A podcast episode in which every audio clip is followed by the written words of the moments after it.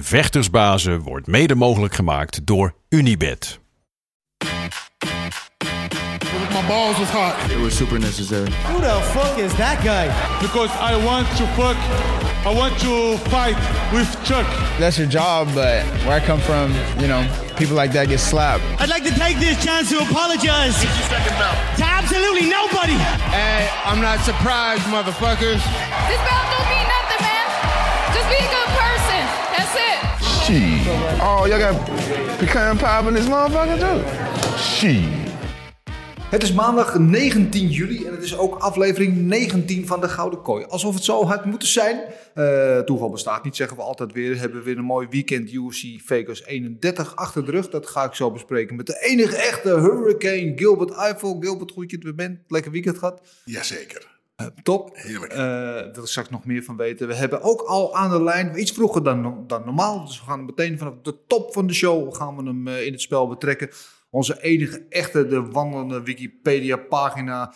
De lopende encyclopedie als het gaat over MMA knowledge. The one and only Big Marcel Dorf, all the way van Maastricht. Marcel, goedemorgen. Goedemorgen. Goed weekend gehad? Ja, zeker weten, man. Eh, altijd. Mooi zo, mooi zo. We gaan het ook met jou zo Jullie uit- ook? Ja, ja, zeker, zeker. Het was, eh, was een kalm, eh, kalm, ontspannen weekend. Dus eh, eh, ja, mooi. We gaan het zo lekker met jullie allebei hebben over UFC Vegas 31. Ik, als u, nou, mensen die daarin luisteren kunnen dat natuurlijk niet zien, maar er staat hier voor Gilbert staat er een lekkere zoetigheidje. Een, een lekkere cupcake, zullen we maar zeggen. Want het is natuurlijk eh, de terugkeer van de one and only cupcake. Misha Tate, dat moet gevierd worden. Dus een lekker taartje voor jou, Gilbert. Eh, even de vaste breken. We houden je wel aan het suiker, maak je maar niet druk. Eh, maar niet voordat we natuurlijk gezegd hebben ook wat vandaag het vandaag is. Het is niet alleen maandag 19 juli, maar het is ook de internationale dag van de beugel. Ja. En eh Gilbert, heb jij vroeger een beugel gehad? Inderdaad, ik had vroeger beugel gehad. Met slotjes en ehm, en daarna een, eh hoe die ding, een plaatje, weet je, zo een losse beugel noemen ze Een losse beugel, ja, ja. Die bestond Ja. eens s'nachts in. En, eh, ja, maar die was ik altijd kwijt. Ja. En, en vond je het wat? Nee, vervelend, maar eindstand. Hè? Mijn tanden zijn nog mooi recht, dus dat uh, Ja, gelukkig. een mooie stralende lach die je Ja. er nu eh, tegemoet eh, grijnst, die, eh, die hebben we er nou overgehouden. Eh in elk geval, ik heb nooit een beugel gehad. En ik had mezelf toen nog in ieder geval mooie, sterke rechte tanden. Dus nu wel heel anders, maar dat zien we gelukkig niet, want het is een audio-podcast. Eh, maar voor alle mensen met een beugel schaam het er niet voor. Maak er een mooie foto met een brede grijns en eh, post die lekker op Instagram. En eh, tag ons erin. Dan kunnen wij ook vrij mee genieten van die mooie glimlach. Het is ook vandaag Get Out of the Doghouse Day. Daar weet jij natuurlijk meteen wat ik bedoel, Gilbert. Ik weet meteen wat je bedoelt. Ja. Maar ik kom nooit in de doghouse. Nee? En als, als ik er al heel snel, als ik er al in zit, dan lul ik me er al heel snel uit. Met die mooie rechte lach die natuurlijk aan de Ja. beugel overgehouden. Ja, ja, Ja, dat is wel weer. Ja, de doghouse is natuurlijk voor als je meestal met je partner eh, eh, iets doet wat eh, zij of hij niet leuk vindt en daarvoor dan de prijs moet betalen. Dus bijvoorbeeld sokken nooit in een wasmand gooit of weet ik veel. Altijd op je telefoon zit of eh, nee, Druk met andere vrouwen bezig bent. eh, dat zou ook Maar een hele goede bent. reden kunnen zijn. En dan kan je hem alles in de doghouse zetten. Ik eh, zit daar ook wel eens in, maar ik weet er ook altijd wel weer uit te, redden. Marcel, jij wel eens in de doghouse? Ehm, nee, man, ik ben hartstikke lief. Dus ik heb daar geen last van.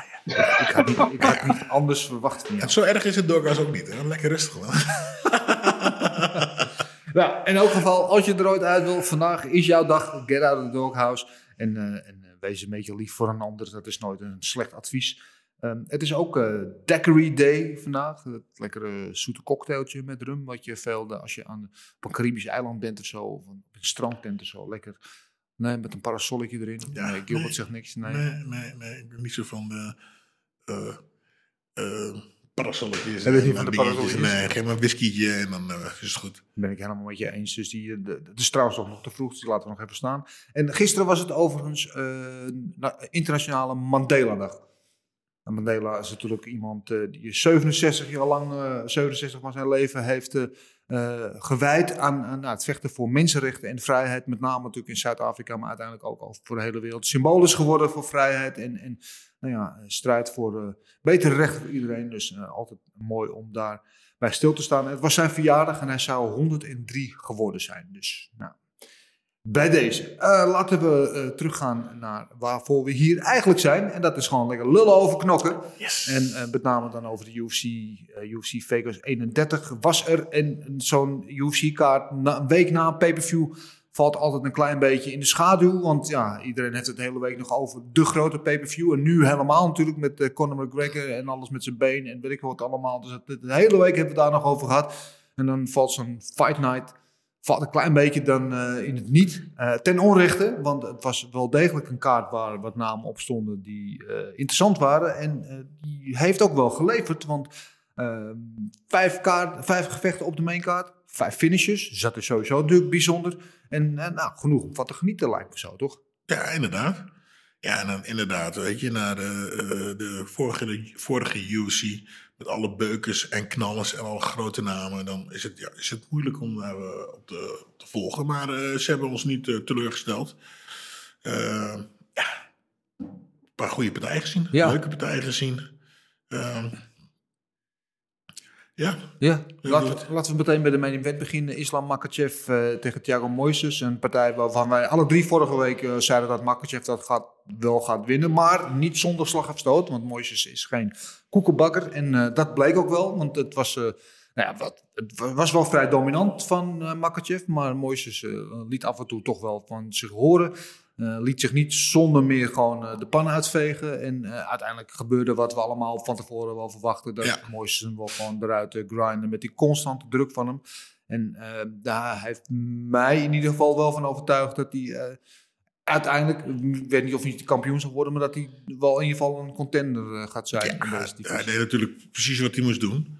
Eh, ik vond eh, Thiago een beetje mak, wat het juiste woord. Misschien een beetje geïmponeerd door de, Mhm. de, de grote tegenstander met eh, ja, de, de, de, sterren, de, sterren, de Ja. van de show. Hè? Eh, maar hij deed het eigenlijk niet heel veel onder op eh, Islam. En hij ging er af en toe lekker in. Eh, kan volgens mij met een goede takedown. Ja, maar dan eh, is ja, Makachev gewoon een, eh, een monster die eigenlijk alles eh supergoed doet. Ja. Ja, staan het, worstelen, de grond. Ja. Ja, en dan is de vraag van, was Moises zo mak? Of was hij gewoon niet bestand tegen de constante en hele zware druk van, van, van Makachev? Marcel, kijk ik even naar jou. Ik weet, jij bent ook groot fan van, van Makachev. Hoe zag jij deze wedstrijd?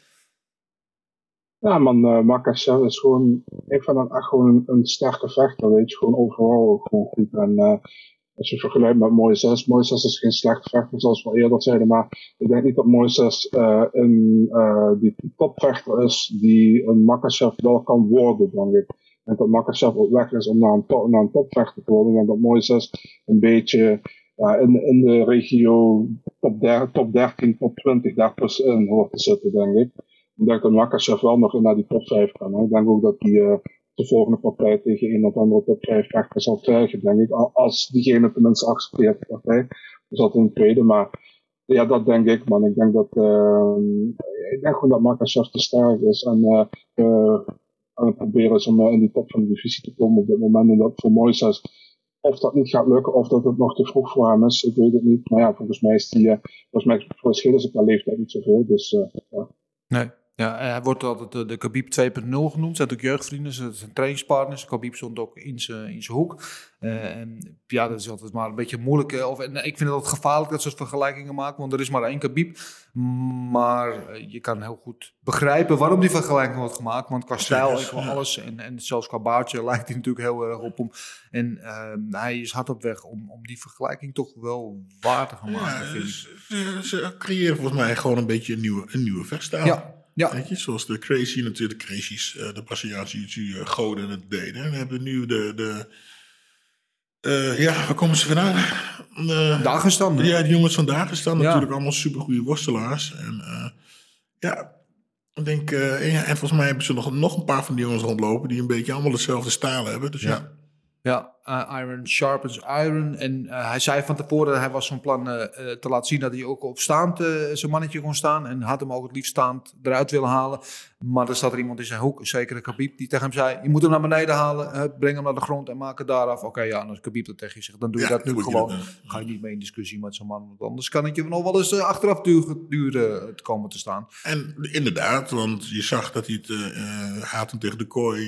je probeerde een paar knieën, had in de clinchpositie een paar knieën. En, eh, en eh, volgens mij kreeg hij toen een takedown tegen, als ik me niet vergis. Althans, eh, volgens mij wel. Ja. En dat is weer zonde, hè? Punt weggooien voor niks. Omdat je wil bewijzen dat je stralen kan vechten. Ja, dat is helemaal waar. En nou ja, de, vorige wedstrijd tegen Drew Dober, die echt gewoon volkomen kansloos was tegen Makachev, dat nu tegen Moises, die gewoon op de grond ook zeer, zeer, zeer bekwaam is als eh BEA Black Belt.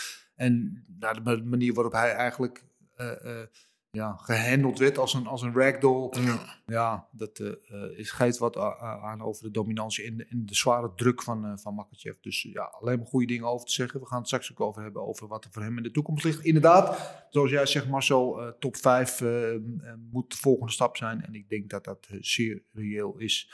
Goed, dan is nu het moment aangekomen om dat heerlijke zoetenijtje wat voor jou eh, staat eh, bij het spel te Oh, ja, ik zal hem even aangeven aan je, alsjeblieft. Oh, mag ik het doen? Ja, nee, Ja? ja, maar- Ja, nee, ik, eh, ik mag nog niet even. Dat mag niet eten, het vast. Nou, we hebben een heerlijke woesel en pip cupcake. En natuurlijk allemaal ter ere van, eh van Misha Tate, die na vijf jaar weer terug in de octagon stond. Hadden we ons allemaal erg op verheugd. En ik heb ook erg verheugd op dit hapje.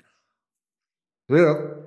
Sorry voor mijn gesmak, Mhm, lekker hoor. maar het is me het wel waard. Eh, ja, Misha Tate eh, tegen Mario Renault, 44 jaar, zeer respectabele leeftijd, die wij al achter ons hebben liggen. Maar eh haar laatste wedstrijd, Renault, maar ze kwam niet om, om cadeautjes weg te geven. Ze kwam echt om te vechten Ja. gaf alles wat ze had en maakte het Misha Tate zo moeilijk mogelijk. Maar uiteindelijk kan we zeggen dat Tate gewoon het hele gevecht lang gewoon dominant was. Ja. Toch? Ja, ik, weet je, ik, het was een eh, verrassend goede partij om naar te kijken. Ik, eh, ik ben fan eigenlijk van twee andere dames. Dat is eh Valentino uh, Shevchenko. En onze beuker, onze Braziliaanse beuker. Nunes. Yes. Maar, ehm, ja, Mar- Marion en Misha die waren goed bezig. Het was, je kon eigenlijk niet echt zien dat Mi- Misha eh, vijf jaar eruit is geweest. Hè. Normaal kun je toch een beetje zien dat ze een beetje rustig zijn. Dat ze een beetje een andere software hebben. Ehm, ze waren lekker aan het knokken met z'n tweetjes. Weet je, goed, goed boksen, goed, eh, goede afstand, goed bewegen. En Misha kan, eh, heeft duidelijk aan haar staan op eh, gewerkt. Ja, ik vond het een interessante partij om naar te kijken. Het was, had ik eerlijk gezegd niet verwacht. Nee. Ja. Nee. Ja, en, Misha Tate inderdaad, wat je zegt, vijf jaar eruit geweest. Zag er fysiek misschien in de beste shape van haar leven, zag ze eruit. Eh, wilde graag laten zien dat ze met name aan de boksen had gewerkt. Zag er goed uit met die jab en eigenlijk weinig eh, eh, slechte punten aan te ontdekken. Marcel, wat is jouw gevoel over deze wedstrijd? Ja, ik was vooral blij om te zien dat Tate nog altijd goed mee kon in de divisie. En zelfs ja, ze domineerde de partij. Ik denk dat het alleen maar goed is, maar in een divisie waar heel weinig contenders zijn op dit moment, dat, eh, dat, dat je Tate terug hebt. En ehm, ja, ik vond, ik vond was gewoon de, de hele wedstrijd beter. De hele gevecht beter. En ehm, ja, goede comeback, denk ik. Eh, tegen Renault die er stopte na afloop. Was, er- was eigenlijk al bekend voor de partij. Ehm, ja, overal goede, goede performance, denk ik. En eh goede comeback na vijf jaar. En ehm, ik ben benieuwd wat ze met, haar gaan doen nu. Of ze, of ze meteen voor de leeuwen gaan gooien. Of ze zeggen van, eh we zetten die tegen Nunez. We zetten, we zetten die tegen Brandamy. We zetten die tegen Holm. Weet je. Daar ben ik wel benieuwd naar. Want dan zit je meteen echt aan de top van de divisie. Dus ehm, ja, ik, eh, ik ben heel benieuwd. Maar het is in ieder geval een naam wat terug is gekomen. En iemand die toch, eh, die toch goed heeft gedaan. En dan, en dan comeback gevecht, denk ik. Ja, nou, 100, zeker. 100 procent. En eh, mooi wel, als we het hebben over de toekomst van wat gaan we nu doen met Misha Tate. Want zij heeft zelf al uitgesproken, ze wil weer terug naar die belt. Nou, dat is mooi. Ze zegt ook, ook precies alle dingen die UFC wil horen. Ze Mhm. iemand, ze zegt iemand met een groot profiel en, en een grote naam, oud-kampioen. En eh, al voor die wedstrijd tegen eh, Mario Renault, dus die wedstrijd moest nog gebeuren. Toen meldde Holly Holmes zich al van, ik wil wel die rematch. Ja, die is uh, koud geknepen. hè? Nou ja, die, ja, die verloor Ja, toen de titel ja, aan, ja. eh, aan Misha Tate. Was een wedstrijd aan het winnen, maar ging in, in, in, volgens mij de laatste ronde werd ze inderdaad eh, submit. Dus die wil die rematch wel. Dus nou ja, en, en Tate zei al van, dat wil ik ook wel. Dus dat is in ieder geval een mogelijkheid die nog voor ons ligt. Maar wat er nog meer allemaal mogelijk is voor haar, daar gaan we het straks over hebben. En laten we ook nog even een seconde nemen om Marine Renault een saluut te brengen. Eh, eh, te, nooit topcontender geweest, maar altijd een, een goede contender in die divisie. Eh, mooie, respectabele carrière. En op 44 jaar oud lijkt het me een mooi moment inderdaad om de handschoenen, zoals zij deed, in het midden van de octagon te leggen. Dus eh, respect aan haar. Goed, dan hadden we daarna de terugkeer van eh, Jeremy Stevens, Little Heathen, eh, naar eh, lightweight. Tegen de Pool eh Matthäus Gamrot. En eh, dat duurde niet zo lang, hè? Het vluchtje. Ja. Grijp, grijp. Doe je. Ja, Ja, toch? ik wou bijna zeggen dat zijn mijn vriendin. Maar dat eh, ga ik niet naartoe. Maar ehm, ja, dat was, eh, was, was eh, vrij snel gebeurd. De eerste keer in twaalf jaar geloof ik dat Jeremy Stevens ook gesubmit wordt. Dat is, Oké. is ook een, een, eentje voor de statistieken. Maar eh, ja, het was eh, zeer duidelijke en, en, en ja, ik kan er niks over zeggen. Het duurde, duurde zo lang als het duurde. Ze gingen naar de grond en toen probeerde Stevens probeerde eerst Kimura bij hem aan te leggen. En toen nam eh, Gamrot hem over en Ja. toen was het wel eh, gebeurd. Want hij zei, dat is mijn favoriete move. hè. Dus toen ik in die positie kwam, wist ik al van, nou, dit is klaar. Ja. Ja. Eh, nog iets over te zeggen over deze wedstrijd verder? Nee, ja, eh Gamrot deed het gewoon super slim. En, die, die, die dacht, ik ga niet met je knokken. Al- Althans, hey, pak je gewoon aan, meteen weer, shoot hem meteen. Naar de grond. En ja, die armklem. Of die, en het, inderdaad, het is een, eh, een, een, een, een armklem die twee kanten op kan gaan. Als je hem niet goed doet en iemand neemt hem over, zoals hij deed, dan eh, ben je gewoon uh, ben je de lul. Ja. Ja. Ja, dat, eh, dat bleek. Eh, Marcel, jij eh, wist mij nog heel veel lijn eh, te appen gisteravond. I told you so. Dus wel dat Stevens het niet lang volhouden. En dit was wel zoals jij had verwacht dat het zou gaan. Eh, maar ja, eh, weet je, eh, eigenlijk ja, Jeremy Stevens, die, eh, die had niet verwacht dat hij eh, nog eh, straf zou krijgen voor na die weging dat dat uitgevoerd tegen Close. En eh, ze hebben hem gematcht met uh, Matthäus Gamrot. Ja man, die Gamrot is echt goed man. Ehm, Ik ben al fan van hem sinds KSW. Dat vond ik hem al goed, dat was de double champ. En eh, ja man, hij, hij is echt iemand eh, die in de toekomst in de gaten moet houden in de UFC. Is... eh, ja, ik, ik, had verwacht dat hij knock-out zou staan. Hij pakte maar de submission. Eerste ronde, heel snel. Ehm, ja, gewoon een goede performance van Gamrot. En eh, ik, ik ben benieuwd wat ze met Stevens gaan doen nu, man. Dus Ja. ja, ja. Ja, ben ik ook benieuwd. Dan gaan we het zo ook eventjes over hebben bij het matchmaken. Maar ik eh, vond misschien nog wel mooi dan die hele wedstrijd, die zoals gezegd niet zo heel lang duurde, vond ik eh, de post-fight antics met, eh met Gamrot. Die daar echt volledig door het lint ging van blijdschap. Eh, Daar eh, stond op en neer te stuiteren eh, als een blij ei. Had natuurlijk niet zoveel van de adrenaline kwijtgeraakt in die partij. Maar die duurde maar, wat was het, 35 seconden. Die daarna bijna Paul Velder nog een paar tikken uitgaf. En die dacht van, ho, ho, laat mij met rust. Eh, en, en al blijdschap en uitgelatenheid. En eh, dat maakt alleen maar meer dat je voor die man ja, wil roeten, toch? Dat je hem een warm hart toedraagt. Want dat zijn de, de blije figuren en de, de, de, de mooie gasten die je wil zien. Dus ja, ben benieuwd ook wat, eh, wat de toekomst voor hem gaat brengen. Dat eh, zal ongetwijfeld mooie dingen gaan opleveren. En ik zie hem ook nog wel een paar plekjes stijgen in deze divisie. Eh, wat hadden we nog meer op die avond? Rodolfo Vieira, die eh eh eh, Stol, Stol, Stolskus, Duitser, in ieder geval een Amerikaan die nu in Duitsland woont. Dus ik hoop dat ik het goed uitspreek. Stolskus, eh, ja, ge- geweldige submission was dat, hoe die op hem sprong en Ja. de grond trok in die, in die rear naked choke.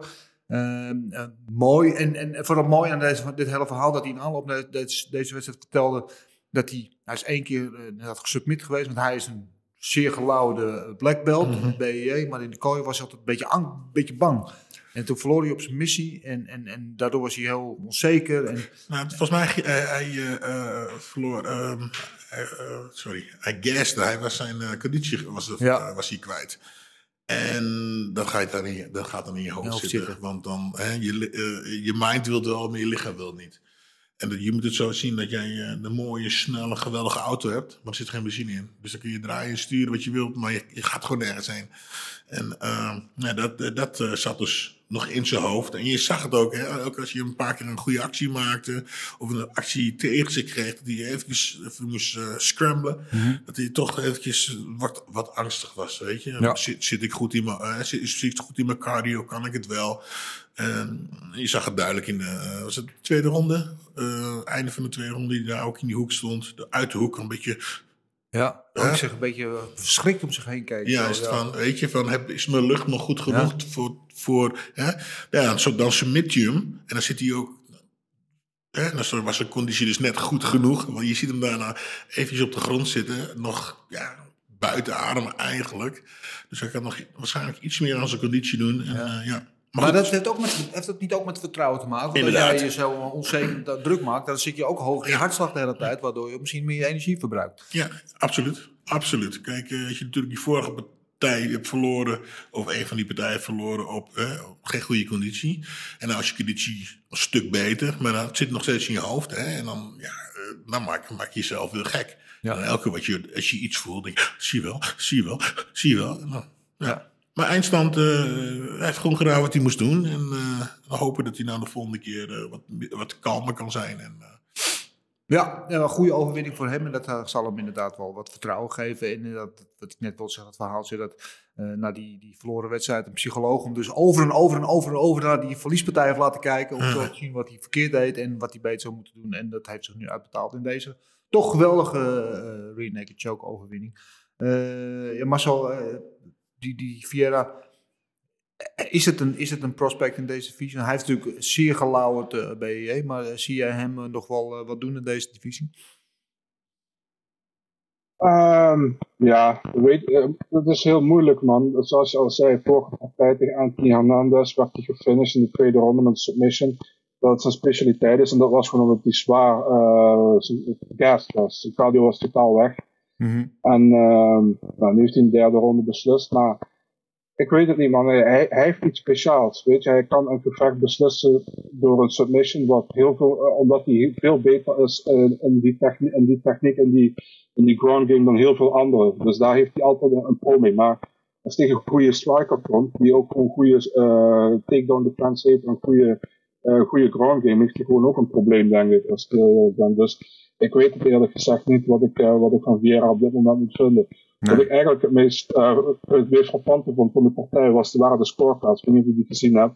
Um, volgens mij had iedereen had de eerste ronde 10-9 voor Vieira. Mhm. Mm -hmm. En Stoltz de tweede ronde 10-9, ja. dus gelijk. En, dus, en is de scorecards, uh, de twee judges hadden het ook. En had je Adelaide Bird op de scorecard, de eerste ja, ronde 10-9 voor Stoltz en de tweede 10-9 voor Vieira. Ja. Dat is omgedraaid. dat ja. is geweldig. Dat is weer typisch. Maar uh, ja, goede overwinning uiteindelijk van Vieira. Mooi, mooi gefinished. En uh, ik ben wel benieuwd met wie ze nu gaan matchen. Want uh, ja, wat je al zegt, ik, ik, weet het niet man, wat ik eigenlijk van hem moet vinden in de nee. divisie. Nee. Nou ja, hij is ook natuurlijk nog redelijk, hij moet toch redelijk een beetje zijn voeting vinden. Of in ieder geval zijn reputatie opbouwen. Maar ik vond hem staan het eigenlijk helemaal niet zo slecht nee, bewegen. Ik vond hem eigenlijk juist goed bewegen. Ja. Ik zat, dat, dat was het opvallende daarvan. Hè. Weet je, dat hij, hij bewoog gewoon goed. Goede kanten opdraaien en zo.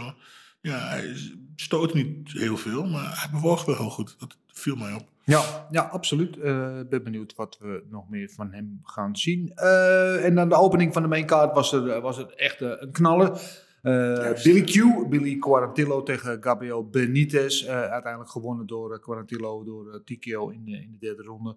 Ehm, ja, het is een beetje raar. Want aan de ene kant was hij vrij dominant. Aan de andere kant was het toch ook wel gewoon, gewoon wel echt een wedstrijd. Een heerlijke knokpartij. Ja. Ja, gewoon knokken. Weet je, en dat zou ik dan ook liever van uh, onze grote kampioen Makachev graag willen zien. En Ja. al begrijp ik dat het niet altijd het verstandigste is. Hè?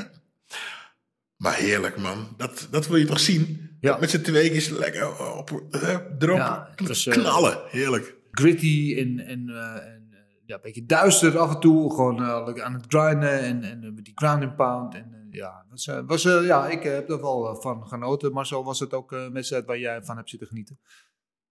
Ja, zeker weten, man. Die partij hadden we bijna niet gezien trouwens. Um, want ik kreeg van, van een, een of andere journalist kreeg een, berichtje op Fight Week. En die zei tegen me van... Uh, Billy, Billy Carantino kan waarschijnlijk niet vechten, want hij heeft een cut opgelopen. Oh. En toen zei ik van, hoe, hoe, heb je dat gehoord? Ja, via via. Dus ik, heb, ik heb contact met Billy, dus ik heb hem gevraagd, gezegd, what the fuck man, hoe weten mensen dit? zeg, ik heb het aan, één iemand verteld in mijn kamp, of aan mijn, aan mijn kamp ja. had ik dat verteld.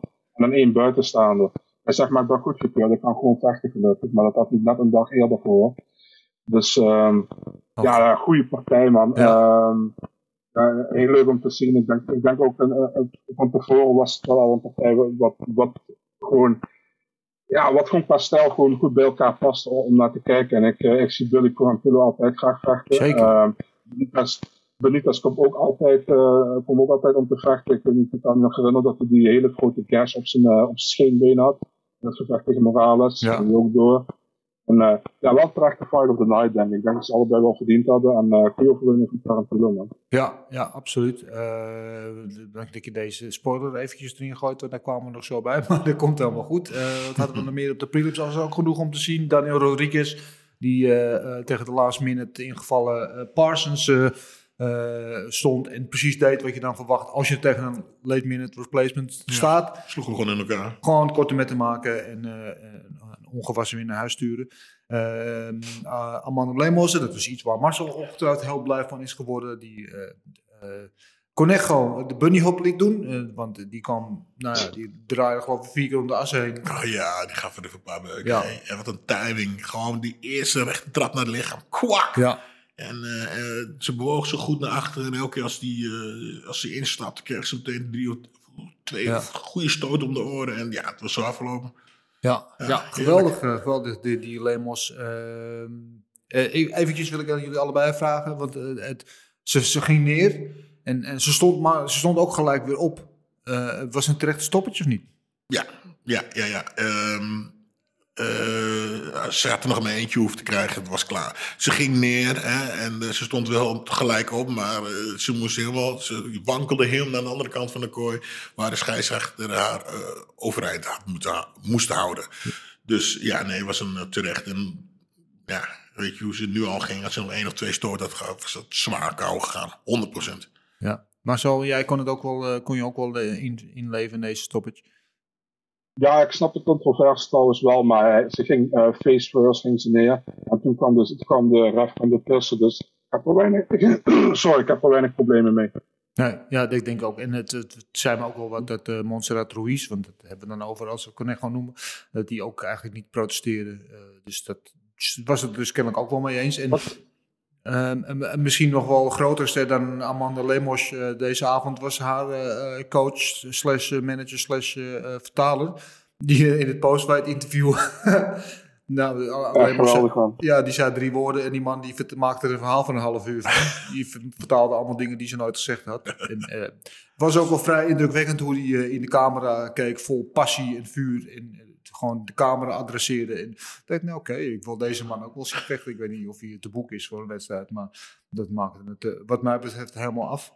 Eh, wat hadden we nog meer op die eh, prelims? Ja, Nascimento, die, dat was de eerste partij van de avond. Die was al op sterren van na dood in de eerste ronde.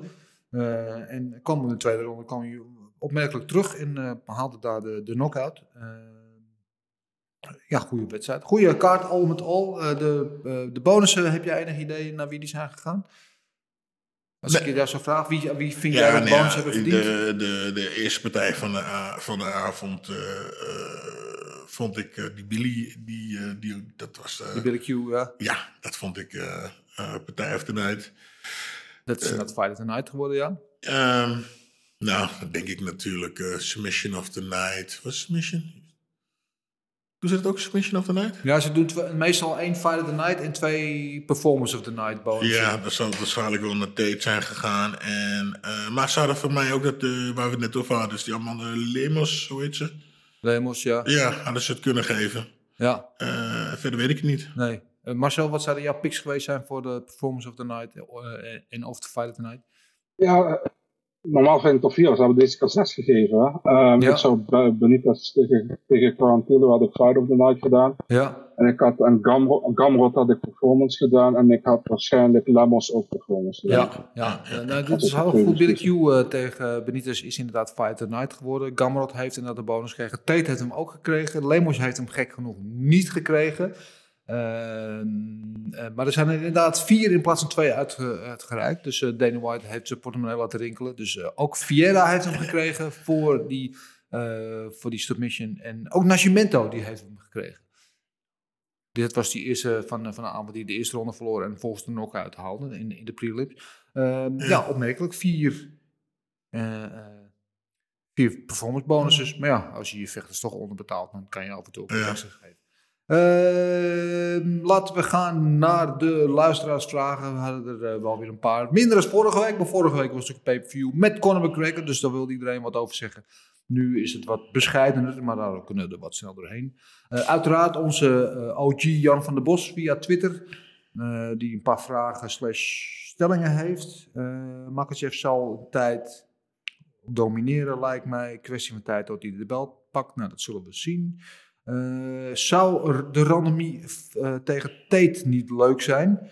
Ehm, ja, ik denk dat dat voor ons in ieder geval wel leuk zou zijn. Maar daar gaan we het straks over hebben als we gaan matchmaken.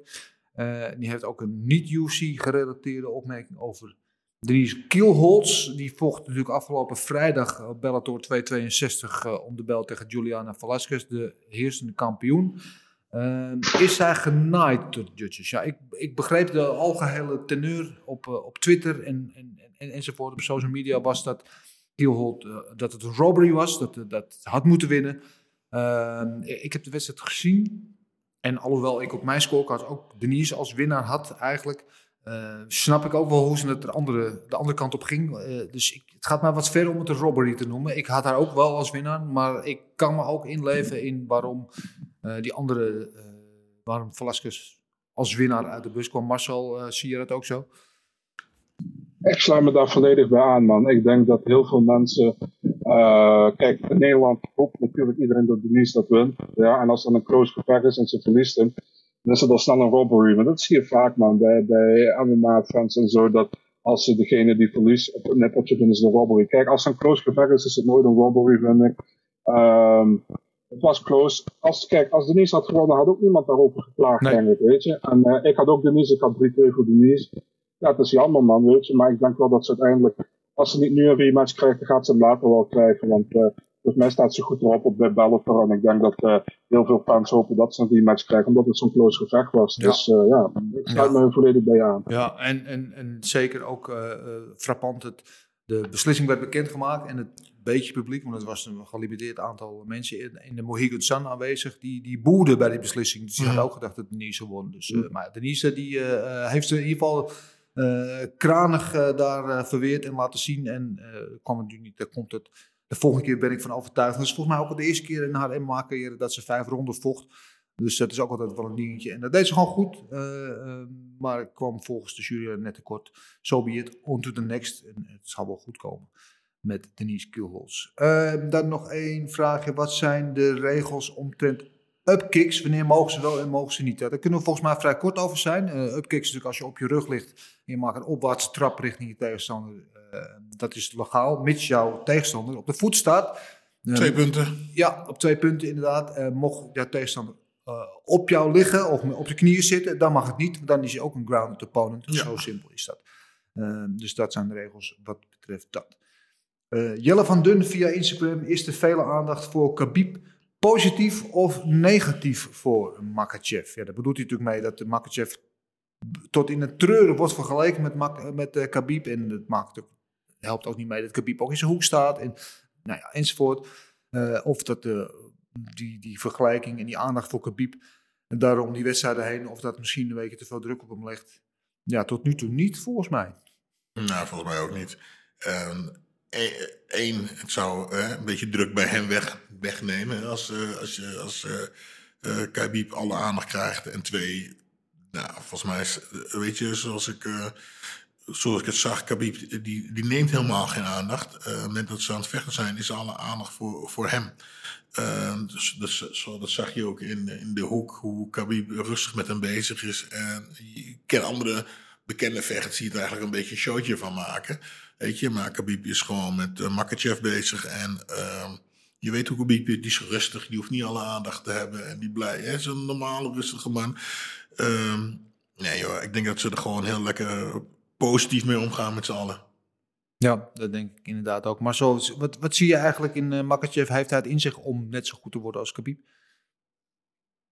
Um, ja, ik, ik, vind het moeilijk, weet je. Um, Khabib is zo dominant geweest in alles wat hij gedaan heeft in de UFC. En kijk, Makachev doet het ook heel erg goed. Uh, vooral nog gezegd, de laatste vier partijen waren heel erg goed, vond ik. Ehm, eh, ik vind het heel moeilijk om te vergelijken, man. Nee, kijk, uiteraard traint met Khabib. Hij heeft dezelfde training als Khabib. Is hij even goed als Khabib? Ik weet het niet, man. Sommigen zeggen hij is beter. Ik moet nog zien of hij beter is. Dat kan wel natuurlijk, hè. Je weet het niet. Ehm, nou, we gaan het zien. Kijk, eh, toen, toen Makachev zijn enigste gevecht verloren in de UFC was in 2015. Toen was Khabib nog geen kampioen. Dus toen was ook nog niet die vergelijking met, oh, is hij wel even goed als Khabib. Omdat Khabib toen nog niet die hoogte had bereikt als waar hij nu staat. Mhm.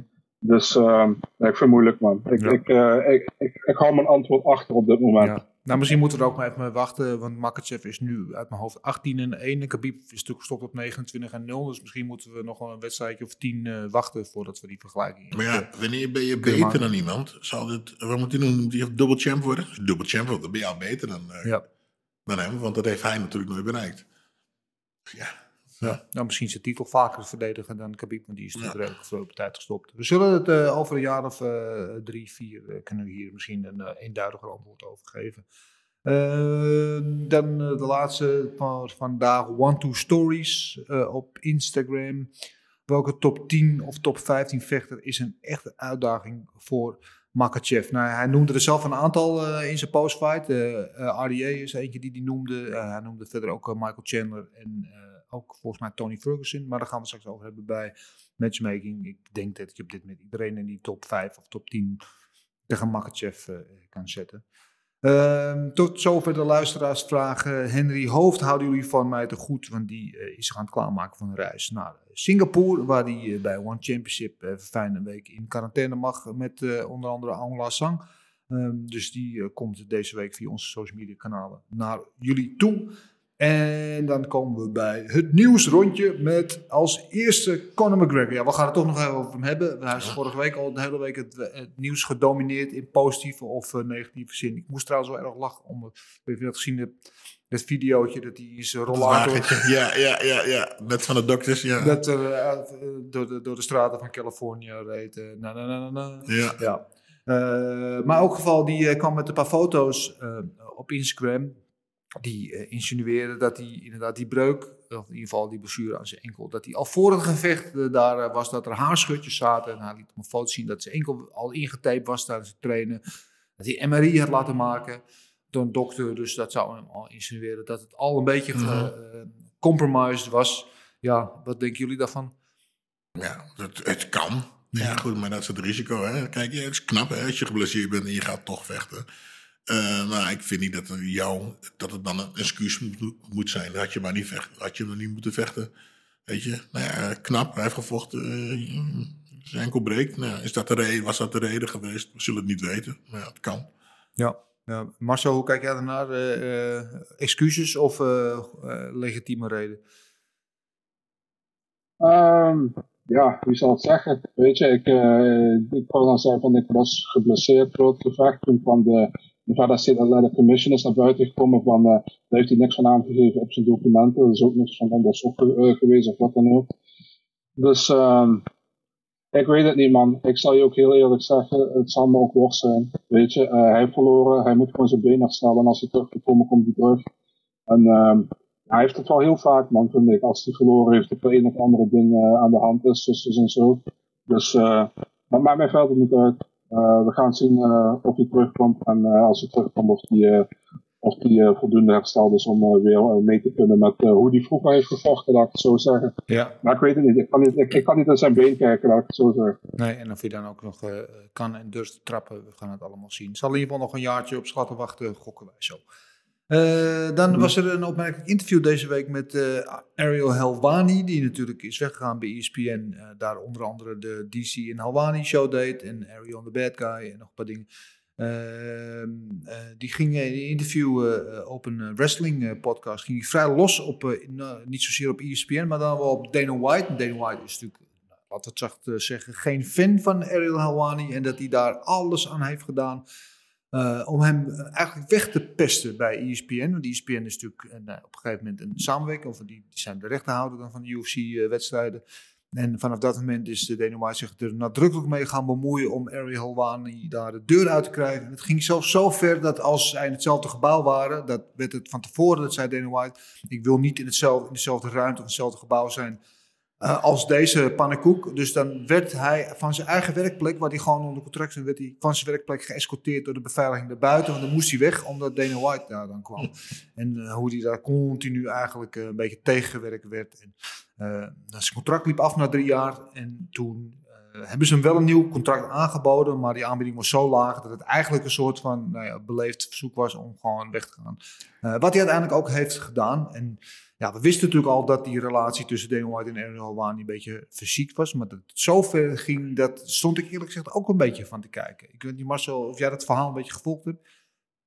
Ja, ik wil wel even inhaken op dat het, eh, de contract op verlaagd was. Hij ging van 5 ton naar 450.000. Nou ja, weet je, voor een, voor een MMA-journalist is het volgens mij toch een behoorlijk zakcentje. Maar, maar goed, eh, buiten dat. Eh, ja, weet je, je, je weet, je weet hoe Dana is, man. Als iemand een hekel aan je heeft, dan, eh, dan, stoot dan, dan steekt hij dat ook niet in een stoel of banken. En laat hij dat ook heel duidelijk merken aan iedereen dat hij een hekel aan je heeft. Ja. En ehm, ja, weet je, ik, ik vind het. Ja, kijk, het is White's een organisatie, de UFC, hebben samenwerking met ESPN. Eh, ik weet niet wat daar in de contract staat, of je iemand mag weigeren of wat dan ook, weet je. En als dat wel mag, dan heeft hij alle rechten. Maar ja, ik heb zoiets van. er is een tijd geweest dat White heel goed met Helwani overweg kwam. Kon. En eh, zelfs eh, speciaal interviews met hem deed. En toen op een gegeven moment kwam dat, eh, dat Brock-incident hè, voor UFC 200, die aankondiging die Helwani had gedaan op internet, terwijl dat nog niet naar buiten mocht. Ja, weet je wat het is? Als jij een onafhankelijke journalist bent, dan hoef je je niet aan een regel van de UFC te houden, weet je, als je Nee. iets uitvindt. Dat ligt er een beetje aan hoe je erachter bent gekomen. En daar was White kwaad over, maar daar heb ik geen inzage in hoe die erachter is gekomen, dus dat weet ik niet. Vind ik dat hij hem eruit mag zetten of wat dan ook? Of wat, ja, ik weet het niet. Het ligt eraan wat in de best staat, maar ik vind het erg overdreven. Ja. Ik vind het erg overdreven. Ja, ja ik vind het, ik vind het eh, ook, ook wat ver gaan. En hij maakte dan wel een punt inderdaad toen hij dat zei. Dat ik, oh ja, want hij maakte daar inderdaad voor ESPN, wat ook de host broadcaster is van, van, eh, van de UFC, een aantal jaren dan verschillende podcasts en programma's. En daar is nooit één seconde is daar een promo voor gemaakt tijdens de UFC-evenementen. En hij is nu weg. En die twee podcasts die hij maakte met, en met eh, DC en met Joe Sonnen. Nou, tij- tijdens de hele show, tussen elke ronde, na elke wedstrijd, wel nog al wel 25 keer die promo's eh, werden getoond. Eh, eh, wat is nooit gebeurd toen hij daar nog zat. En dat, dat maakt het ook weer. Het is een beetje, ik vind het een beetje kinderachtig. Kinderachtig en macht, hè? Wat ze hebben, Ja. hè? Dat is, eh, Ik vind het een beetje schoolplein eh, gedrag. Maar ja, als je dat geld hebt, dan. We- we- weet je wat erg is? Die, die continu dezelfde Fight Pass reclames, man. Daar word je dood aan dood ziek van. Ik weet niet of je, of je dat wel eens ziet als je live kijkt. Die Fight Pass reclames van Ja. eh, Kimbo continu door. Ja. Die was 10 years old. En, en dat, dat hoor je gewoon 20 keer op één avond. Ja. Gewoon gek van. Ja, daar word ik ook niet vrolijk van. Dat zag inderdaad. Eh, overigens nog eentje wat heel waar niet, want die was toen, toen hij toch helemaal bezig was om steken uit te delen. Dat, ze hebben net die nieuwe deal, waar we het vorige week over hadden, met crypto, Crypto, die ja. voor 175 miljoen. Die zie je echt overal. Even Formule 1 Ja, zag hem ook. Ja, ja, dus 175 miljoen. En hij eh, deed even uit de doeken hoeveel, eh, welk percentage van die 175 miljoen naar de vechters gaat. Nou, je Ja. raadt het al, dat is precies 0%. Oh, Dus dat is steek. misschien moeten we eventjes... eh, ik, heb, ik heb al 5 euro. Misschien kunnen we het bij elkaar leggen. Misschien wat crypto eh, dingen gaan kopen. Ja, ik heb ook nog 3 euro, dus dan hebben we samen acht. al eh, 0,00001 eh, procent. Ja, dat is Marcel nog 2 euro en een tientje samen. Ik zal maar weer zien wat het geld zit. Oh, Geen McGregor 450. had hem ook niet aan, hè? Die crypto, eh, dat crypto shirt tijdens de weging. Hij had iets anders aan. Toen zei White ook iets tegen hem, maar toen zei hij iets van fuck Wie White. zei dat? McGregor.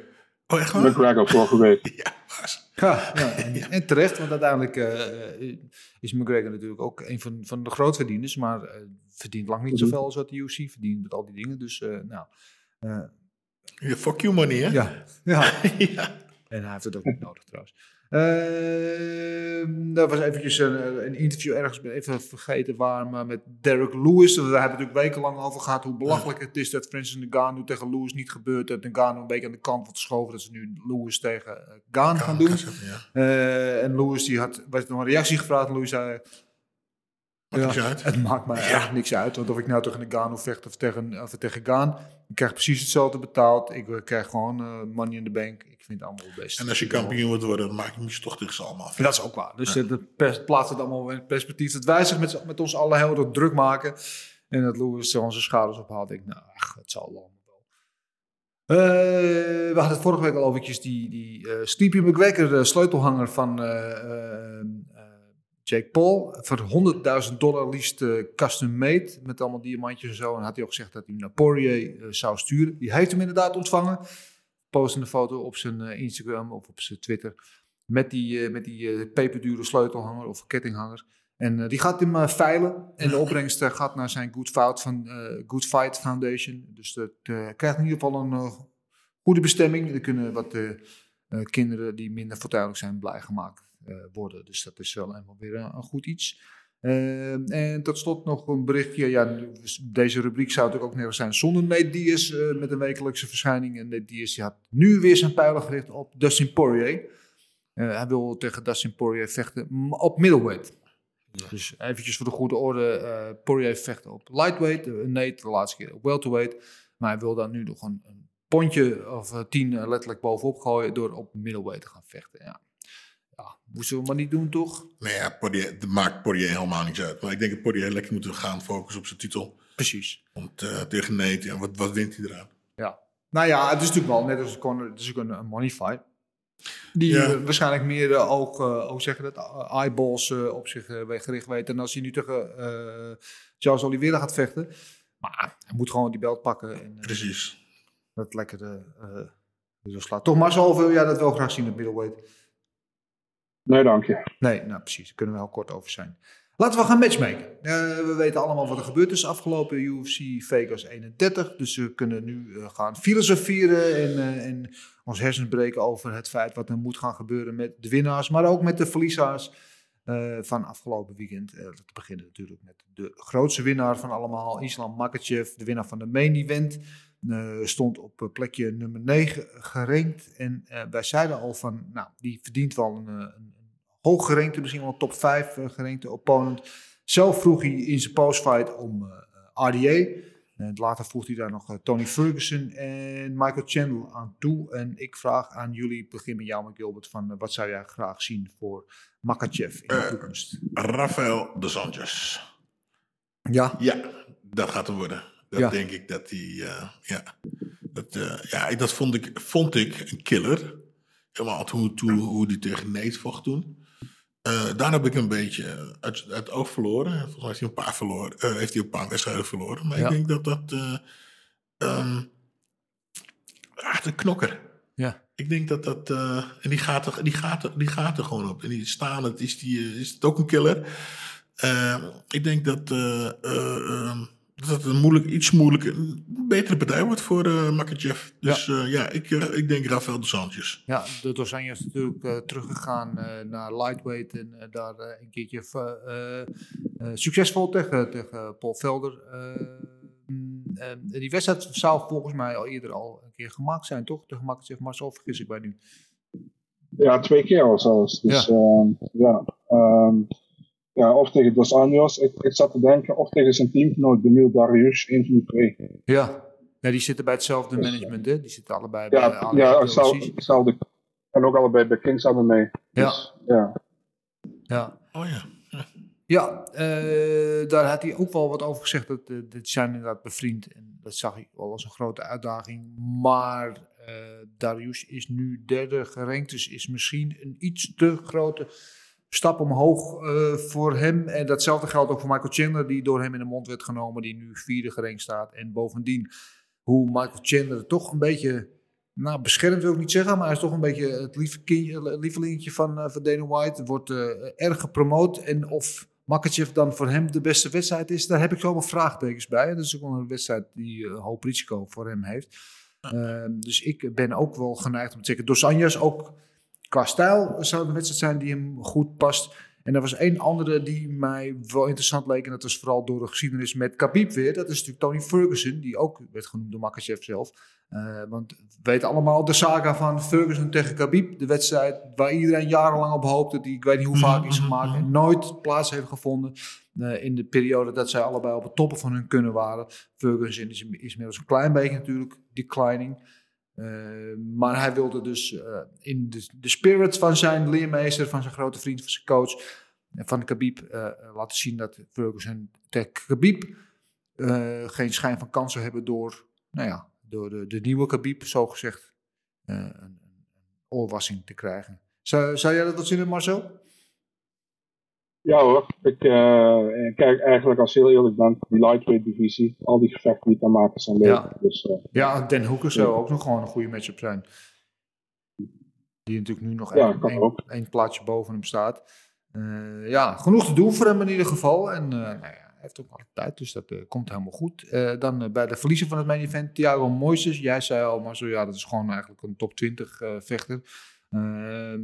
Wat, wat zou je van hem een goede matchup vinden nu? Ehm, ja, dat zou ik hem een goede matchup vinden. Dat is een hele goede vraag. Eh, ik, ik zou hem graag tegen een, eh, tegen een, een Davi Ramos willen zien. Of eventueel tegen een, een Devonta Smith. Lijkt me ook heel Ja. leuk om te zien. Eh, eh, zo- Zo'n zo'n zo'n tegenstander een beetje. Wat ook een beetje rond die top 20. eh, ro- rond, die, rond dat, hoe noem je dat, rond dat getal zit. Dat, dat lijkt me wel aardig. Ja, ja, ik zat zelf nog te denken aan misschien eh, Drew Dober. Die hebben we natuurlijk onlangs nog gezien, die verloor van, eh, van Brad Riddell. Maar eh, Gilbert, heb jij nog namen die je er binnen schieten? Nee, ik denk eigenlijk niet dat hij heel ver naar beneden moet gaan. Want ja, ja kijk je, Makachev natuurlijk wel heel goed. Ja, moeilijk. Kevin Lee? Ja, Kevin Lee staat die niet geboekt al trouwens. Wie? Kevin Lee, Ja, hij staat tegen Sean Brady. dat is het ja. Die ging op welterweight eh, vechten, dus die is even uit de running. En de vraag is of hij überhaupt nog terugkomt eh, op, uh, op lightweight op dit moment. Maar eh, ja, er zit, en, die, en wat jij al zei, maar zo die, die lightweight divisie is zo diep op dit moment dat eigenlijk alles in die top 20, top 25, dat zijn allemaal eh, zeer gretige en eh, bekwame contenders. Uh, dus daar uh, zit vast wel iemand uh, voor hem tussen. Laten we doorgaan naar uh, onze eigen lieveling Misha Tate, de cupcake. Hij had me heerlijk gesmaakt overigens. en ook die, die Komen event die was zeer te versmaden afgelopen zaterdag. Wat gaan we doen met Misha Tate? Te beginnen met jou Marcel. Ja, Misha Tate, weet je wat het is? Ze heeft nu Marion Renault verslagen, die staat op 12. Maar ik denk dat ze Tate wel een hogere gerankte gaan geven nu man. Ik denk niet dat ze haar tegen nummer 10 of tegen nummer 9 gaan zetten. Um, ik, ja, je hebt zoveel keuzes daar, man. Je hebt de Randami, je hebt Holt, je hebt zelf Aspen Ladd als ze wint volgende aankomende week. Ja. Die heb je ook. Je hebt de Arena Aldana. Dus je hebt zoveel keuzes, man. Ik zou zelf, uh, ik zou die Holly Holm rematch wel graag willen zien. Eens. Ja. Ja, dat zou natuurlijk, is natuurlijk een wedstrijd met een verhaal. Uh, en het zit natuurlijk daarbovenin een klein beetje uh, vast. Want Amanda Nunes, wat moeten ze met haar doen? Nou, dat gaan ze waarschijnlijk nu met Aldana matchen. Uh, Holly Holm de Randenby staan natuurlijk 1 en 2 nu in die divisie. Maar uh, het lijkt mij niet waarschijnlijk dat een van die beiden nu meteen de rematch met, uh, met Nunes krijgt. Dat ze toch al op zoek zijn naar wat vers bloed. Dus die moeten ook een wedstrijd hebben. Ehm, ja, ik, Holly Holm. Ik zou, het, ik zou het niet erg vinden om haar met, uh, met Chimene te zien knokken eigenlijk. Met onze eigen Chimene.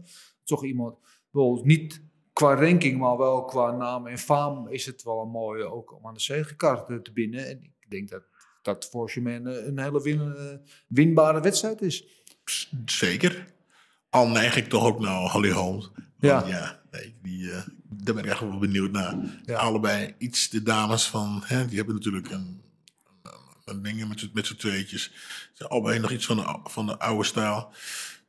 Ja, uh, voor Germaine natuurlijk toppartij als, uh, als ze haar uh, kan slopen. Ja. Iets, want Michel heeft natuurlijk een, toch een naam. Maar ik denk niet dat ze dat gaan doen. Ik denk dat ze haar nog eventjes willen beschermen. Ja, want Misha Tate is een naam. Hè, die trekt toch wel mensen. Weet je, en als ze meteen tegen Germaine laat vechten, dan is de kans heel groot dat ze verliest. Ja, dan, ja, dan hebben ze haar zo weer na zoveel jaar teruggebracht. En dan ligt ze, ligt ze er al heel gauw weer uit. Ja. Dus ik denk, ik denk dat ze een betere kans heeft tegen Holly Holmes.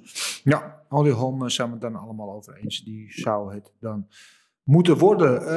Uh, wat had ik verder nog op mijn lijstje staan? Ja, wat gaan we eigenlijk doen met Jeremy Stevens? Want uh, ja, hij heeft er nu geloof ik zes op rij niet gewonnen. Er zitten vijf nederlagen en één no contest tussen. Hij heeft nu de overstap gemaakt weer van featherweight terug naar lightweight. Hij heeft hem nu vooralsnog ook ja, geen goed, goed gedaan. Niet al te veel in ieder geval. Ehm, gaan ze hem wegsturen, Jussi? Dat denk ik niet. Nee. Ja, ze gaan eerst volgende opkomende talent waarschijnlijk tegen hen laten vechten. Hoe noem je dat? Gatekeeper? Ja, Ja. ja. Ja, eh, zo wat, wat zie je hem graag doen? Ja, weet je, ehm, met alle respect, maar met, aan een dood paard moet je niet trekken. Ik denk dat ze nog een, eh, dat ze nog een nieuwe partij voor hem gaan neerzetten, als ik heel eerlijk ben. Hij heeft er van de laatste zes heeft hij geen één gewonnen. Nee. Ehm heeft er ook in bijna al die partijen niet goed uitgezien. Dus ehm, nee man, ik, ik- luister, ik, ik ben voor niemand die gekut wordt trouwens. Want het, eh, ik ga, heel veel mensen zeggen, ah je moet hem kutten. Maar ik zeg in principe dus gewoon dat je iemand moet ontslaan. En eh, daar ben ik niet voor. Maar ik zie niet dat ze nog met iemand gaan matchen hier. Ik zou niet weten met wie, als ik heel eerlijk ben. Hij is al van featherweight nu naar lightweight teruggegaan. Dus eh, nee man, ik, ik heb geen idee als ik heel eerlijk ben. Nee, nee ja, ja. hij heeft overigens het eh, dubieuze record nu volgens mij geloof ik van 18 eh, nederlagen in de UFC. Het meeste aantal nederlagen van iedereen eh, ooit in de, in de UFC geschiedenis. Dus die heeft, hij gaat in ieder geval de geschiedenisboek in wat dat betreft.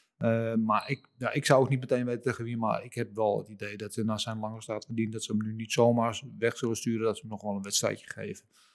Ehm, maar met wie, dat, eh, ja, dat weet ik eerlijk gezegd ook niet. En eh, wat gaan we dan doen met zijn overwinnaar, met eh Matthäus Gamrot, die wij natuurlijk wel heel graag weer zouden zien. Ehm, en, en tegen een gerankte eh, opponent, lijkt mij nu. Misschien tegen Thiago Moyes. Zou dat een goede zijn? Het zou helemaal geen, geen slechte matchup zijn misschien, maar zo wat denk jij? Ah man, zet hem maar tegen Brad Riddell. Ja, Dat wil ik wel zien. ja. Dat zou wel een entertaining fight zijn in ieder geval. Zullen we eens eventjes naar de, de gang gaan? eh zeg dat ze rustig moeten doen. Ja, de, wat- de gang eh, wordt hier Oh, dat is ons... eh dat is het, die... eh wat is dat? Die Scott, Scottishman. Brett uh, Riddell. Australië. Austra is het Australië dat uit Ja. Schotland kan? Hm. Ja, onlangs van, eh van Doedobe gewonnen. Met die arm. Goeie vechter ook. Eh, ja, ik zou dat, eh, zou dat ook wel eh, Hm, willen hm. zien. En, Oh, die pot was het. Ah ja, ah ja, ah ja, ja, ja. oké. ja, ja, oh. ja, Oef. goed. Ja, goede pot, maar... Nou, dat, beetje hoog, denk je niet? Een beetje hoog gegrepen voor hem? Ja, ik denk dat hij nu wel in de buurt komt van, eh, van de top 15 eh, tegenstander. Dat hij daar wel eh, mee gerenkt mag worden. Dus ik zou dat helemaal niet vervelend Het vinden. zou een geweldige pot zien. hoor. Dat zou echt een leuke pot zijn. Ja. ja. Dat zal eh, oorlog. En er zal ook een hoop emo- emotie en energie in de kooi zijn. over en weer. Dus dat kan Oké, gok op knokken. Ik ga voor Brett Riddell. Alvast. hebben we dat pas gehad. Eh, nee, we zijn daar nog niet. Want ik wil eerst maar zondag horen met het laatste nieuws. Want volgens mij is er wat een en ander te melden van afgelopen week. Ja, ik heb vijf partijen, of eh, vier partijen heb ik. Laat beginnen met de ene wat eh, gisteren bekend werd gemaakt. Eh 4 september, dat wordt waarschijnlijk in Londen. Magomed Ankalaev tegen Volkan Ozdemir. Ja, In de light heavyweight In light divisie. heavyweight, Ik denk dat het leuk, ja, leuke partij, denk ik. ja denk Op ik ook. dezelfde kaart Jack, op dezelfde kaart Jack Short tegen Said Nurmagomedov. Overigens geen familie van Khabib. Nee. Dus eh, ja. Ehm, dan ja, de grote kaart, UFC 266. Ze worden even drie, drie gevechten aangekondigd, waarvan twee titelgevechten. We beginnen met eh, Robbie Lawler tegen Nick Diaz 2. Ja, ja, daar hadden we het vorige week toch Ja. uitgebreid over. Top vind ik dat. 17 jaar na dato. Ja, ik weet niet of je die foto's van mensen hadden gezien van eh the first time watching eh, Lawler against Diaz en the second time watching Lawler Diaz. En heel veel mensen hadden een foto van een baby toen ze een baby waren. En een foto van hoe ze er nu uitzagen. Dat grappig. Ehm, Co-main event, Shevchenko tegen Lauren Murphy Ja, voor de flyweight titel. mooi. Die zat ook een beetje aan te komen. Maar Ja. mooi dat hij nu dan definitief is gemaakt. Ja. En dan eh, ja, de Ultimate Fighter coaches tegen elkaar tijdens het main event. Eh featherweight titel Alexander Volkanovski tegen Brian Ortega. Oh ja, natuurlijk de, de, de TUF eh, coaches. Daar ben ik ook wel benieuwd naar. Want die zijn volgens mij eh, dit- gedurende het filmen van de, van de TUF niet echt per se grotere vrienden van elkaar geworden.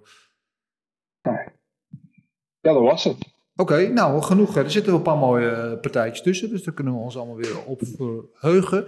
Eh, dan zijn we nu bij het laatste, maar niet het minste onderdeel van dit eh, programma aangekomen, namelijk bij het gokken op knokken. Want het is aankomend weekend zitten we weer in de Apex in Las Vegas bij UFC Vegas 32 met een main event waar veel mensen toch wel naar uitkijken. Ik in ieder geval wel. Hij zou een tijdje geleden al gevochten worden, maar werd toen uitgesteld vanwege een blessuregeval. Corey Sandhagen en de terugkeer van TJ Dillashaw. En dat is een bantamweight eh, gevecht.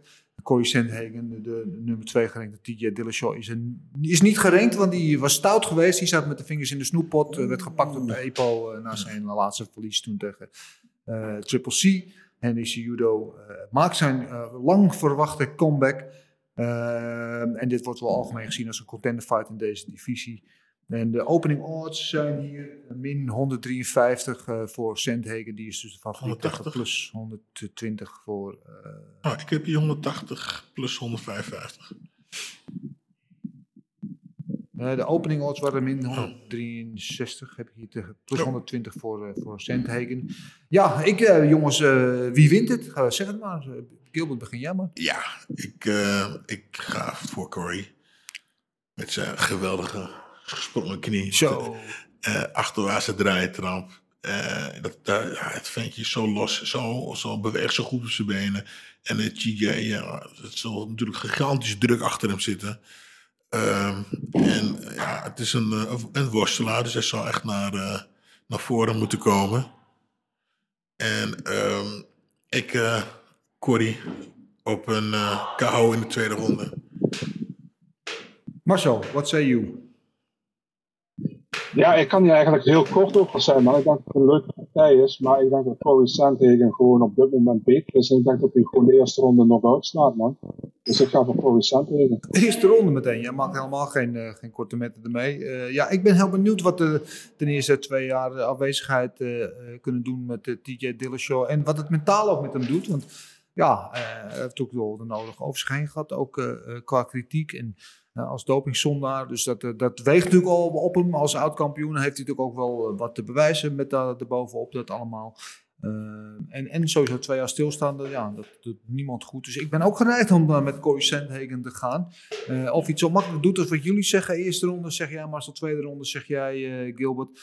Ehm, ja, weet je wat is met Corey Sandhagen? Hij kan zo inderdaad weer zo'n gesprongen knie of achterwaartse draaitrap. Of eh, eh, weet ik veel, achterwaartse elleboog. Of weet ik van wat uit de hoed toveren. En eh, ik denk inderdaad niet dat uh, TJ Dillashaw uiteindelijk daartegen bestand is. Want Dillashaw weet wel wat hij doet. Ehm, eh, maar ik denk dat het inderdaad ook niet genoeg gaat zijn tegen Sandhagen. Dus ik ga ook voor een overwinning op, op TJ Dillashaw. Maar ik ga, in tegenstelling tot jullie, ga ik zeggen voor de derde ronde. Ik denk dat Dillashaw nog een beetje epo in zijn lijf heeft. eh, waardoor hij het eh, de tweede ronde, nou, zonder gekheid. Ik denk dat hij eh, de, de Sandhagen misschien toch ook wel een beetje moeite heeft om hem te lezen in het begin. En dat hij hem in de derde ronde wel afmaakte met, met, ik wel, met pound TKO. TKO derde ronde, Corey Sandhagen krijgen jullie van mij. We gaan het zien of het allemaal waard is en wat we volgende week weer van lekkers eh, te snijden hebben hier tijdens de podcast. Eh, dan de co-main event, haar naam viel net al eventjes in de Women's Bantamweight Division. Vision Aspen Ladd tegen Macy Chanson. Dat is de nummer 3 tegen de nummer 9. En de odds zijn hier min 180 tegen plus 140. Eh, Marcel, wat zeg jij van deze wedstrijd? Cesar heeft de reach advantage, is groter. eh, misschien sterker, maar Aspenlaat is overal beter. Ik, eh, eh, ik, vind, ik vind Laat gewoon een goede vechter. Hij heeft alleen de UFC volgens mij veel van de handen niet. Met die, met die punch, met Ja. 20 seconden of zo. De hele snelle voor de rest- Ja, voor de rest er heel goed uitgezien steeds in de UFC. Ehm, eh, lang niet gevochten, man. 2019 was de laatste Ja. keer. Maar ik denk dat ze wel beter is dan Chesson, man. Dus ik ga voor uh, Laat. En ik denk dat ze op finish tweede ronde TKO. Ground and pound. Gilbert. Ja, moeilijk. Eh, eh, eh, kijk, eh, die andere heeft eh, eh, is een goede reach. Lang stoten. En eh Aspen die houdt, er- houdt ervan om. Die is, een beetje zo'n kleine buffel die naar voren loopt en graag eh, ja, kort stoten vast wil pakken. Ja, ik vind het moeilijk. Ik, eh, ik ga eens geks doen. Ik zeg Messi op, op eh KO, tweede ronde. Kou, zo. Ja, knie, knie op het hoofd. Gaat eh, Gilbert gaat hij zwaar voor de, voor de underdog. Ja, Uh, ja, inderdaad, zoals jij zegt, die verloor uh, haar enige uh, verlies in de UFC was tegen Shimena Randami. Na 16 seconden was dat om precies te zijn. Uh, daar heeft ze toen daarna nog bezwaar tegen aangetekend. Dat zij vond dat de stop te vroeg was. Uh, dat bezwaar heeft ze wel verloren, dus dat verlies staat gewoon. Herstelde zich daarna goed met die goede uh, knockout overwinning over Jana Kunitskaya. En ik denk inderdaad wat jij zegt Marcel, dat zij overal gewoon de betere skills heeft, meer power ook heeft, uh, betere boxing skills heeft, uh, meer druk naar voren zet. En ik, ik, denk dat Messi daar niet tegen opgewassen is uiteindelijk. En ik, ik, denk zelf dat ze over haar heen lopen. Ik ga voor de eerste ronde knockout. En ik zeg dat Espen Let het in de eerste gaat doen. Oh, spannend. Ja, spannend. Hebben we toch allemaal weer wat anders. Zijn we het lekker oneens met elkaar, jongens. Wat gezelligheid. Uh, dan de derde wedstrijd die ik in het uh, gokgebeuren wil uh, betrekken is Kyler Phillips tegen Rolian Paiva. Dat is een bantamweight gevecht ook. De nummer 14 tegen de nummer 12. En hier is de lage gereden vechter is hier de favoriet. Want Phillips staat op min, 100, min 250 tegen plus 190 voor Paiva. Dus daar is wel, uh, er zijn veel mensen die geloven dat Philips het hier gaat doen. Marcel, wat denk jij? Ja, man, Paiva is een short notice gevecht. Carla Philips eigenlijk tegen als, als een zou staan. En Paiva vecht hem op flyweight, dus bantamweight. Precies. Um, ja, weet je, ik ben altijd een heel grote Paiva fan geweest. Omdat ik hem gewoon, ik vind hem gewoon heel allround, heel goed. Hij heeft heel veel pech gehad in zijn UFC carrière. Vind ik een, een robbery dat hij echt gewoon gerold was in, in, in uh, uh, in uh, Australië was het tegen Cara France. Mm -hmm. um, gewoon, gewoon een hele sterke ja. ja. man. Hij heeft heel veel tegenslag. Hij is nog heel jong, maar heel veel, heel veel tegenslag gehad in zijn leven, man. Uh, ik weet niet of je de background kent. Hij heeft zijn vriendin voor zijn ogen vermoord geworden. Ja. Um, dat soort, en, en, nog iets wat, wat vrij recent is gebeurd. En Kyler Phillips, hele goede vechter, heeft laten zien tegen Song Yadong. Eindelijk iemand die ja. Song Yadong heeft geslagen in de UFC.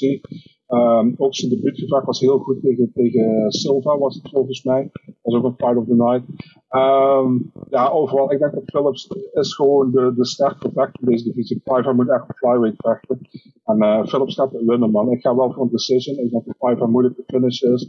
Ik ga voor een decision, maar ik denk dat ik Phillips zit. Ja, dat was een auto-ongeluk volgens mij waar, uh, waar Piper bij betrokken was. Inderdaad. Ja, man, ze, ze, waren, ze hadden ruzie in een, in een café en uh, toen zijn ze weggegaan op een scooter. En vervolgens zijn ze met opzet aangereden geworden ja. als het vriendin was op slag dood. Ja, ja, heftig. Um, ja, ik, uh, ik, ja, hoe zie je het ook zo iemand dan gunt? Ik geloof wel dat uh, size matters. en inderdaad, hij is een flyweight, wel een grote flyweight. maar ik denk dat het fysieke voordeel voor Philips hier wel parten speelt. En ze zijn qua skills denk ik dat ze wel redelijk gelijkwaardig zijn. Uh, maar ik ben ook geneigd om te zeggen dat Philips hier het gaat doen. Philips is iemand die ook, ja, zowel staand als op de grond wel aardig uit de voeten kan. En ik, ik ga het helemaal met jou eens zijn, Marcel. We gaan heel saai ook gewoon zeggen dat Philips het hier op een decision eruit gaat halen. Ja, Gilbert. Ja, ik, ze hebben allebei dezelfde stijl, inderdaad. Ehm, ik ga een beetje dwars doen. Tuurlijk, ik zal denk, ook niet. Ja, dat moet. ik denk dat de onderdak ehm, ons gaat verrassen. Ze laatst minute replacements toch? En dus hij, mm -hmm. gaat er gewoon, hij gaat er gewoon lekker voor. En die wint op beslissing. Beslissing, jij zegt ja. Paiva beslissing. Ja. Nou. ik, ik voel gewoon een beetje aankomen dat Gilbert graag een Tom Poesweddenschap wil doen. Nee, nog niet. Nee, nog niet. Ja, maar ik heb, een heel, ik, heb, ik heb dan een heel goed idee trouwens voor een, een nieuw concept voor, waar we Tom Poes tegenover een Shui gaan zetten. Ja, oké. Ik heb, daar kom ik zo meteen nog wel even Oké, okay, daar ben ik heel benieuwd naar. Want die Shui die moet hier ook zeker nog een keer gaan gebeuren. Uh, of uh, doe je vast en aan vecht of niet. Uh, hoe dan ook, volgende week dus UFC Vegas 32.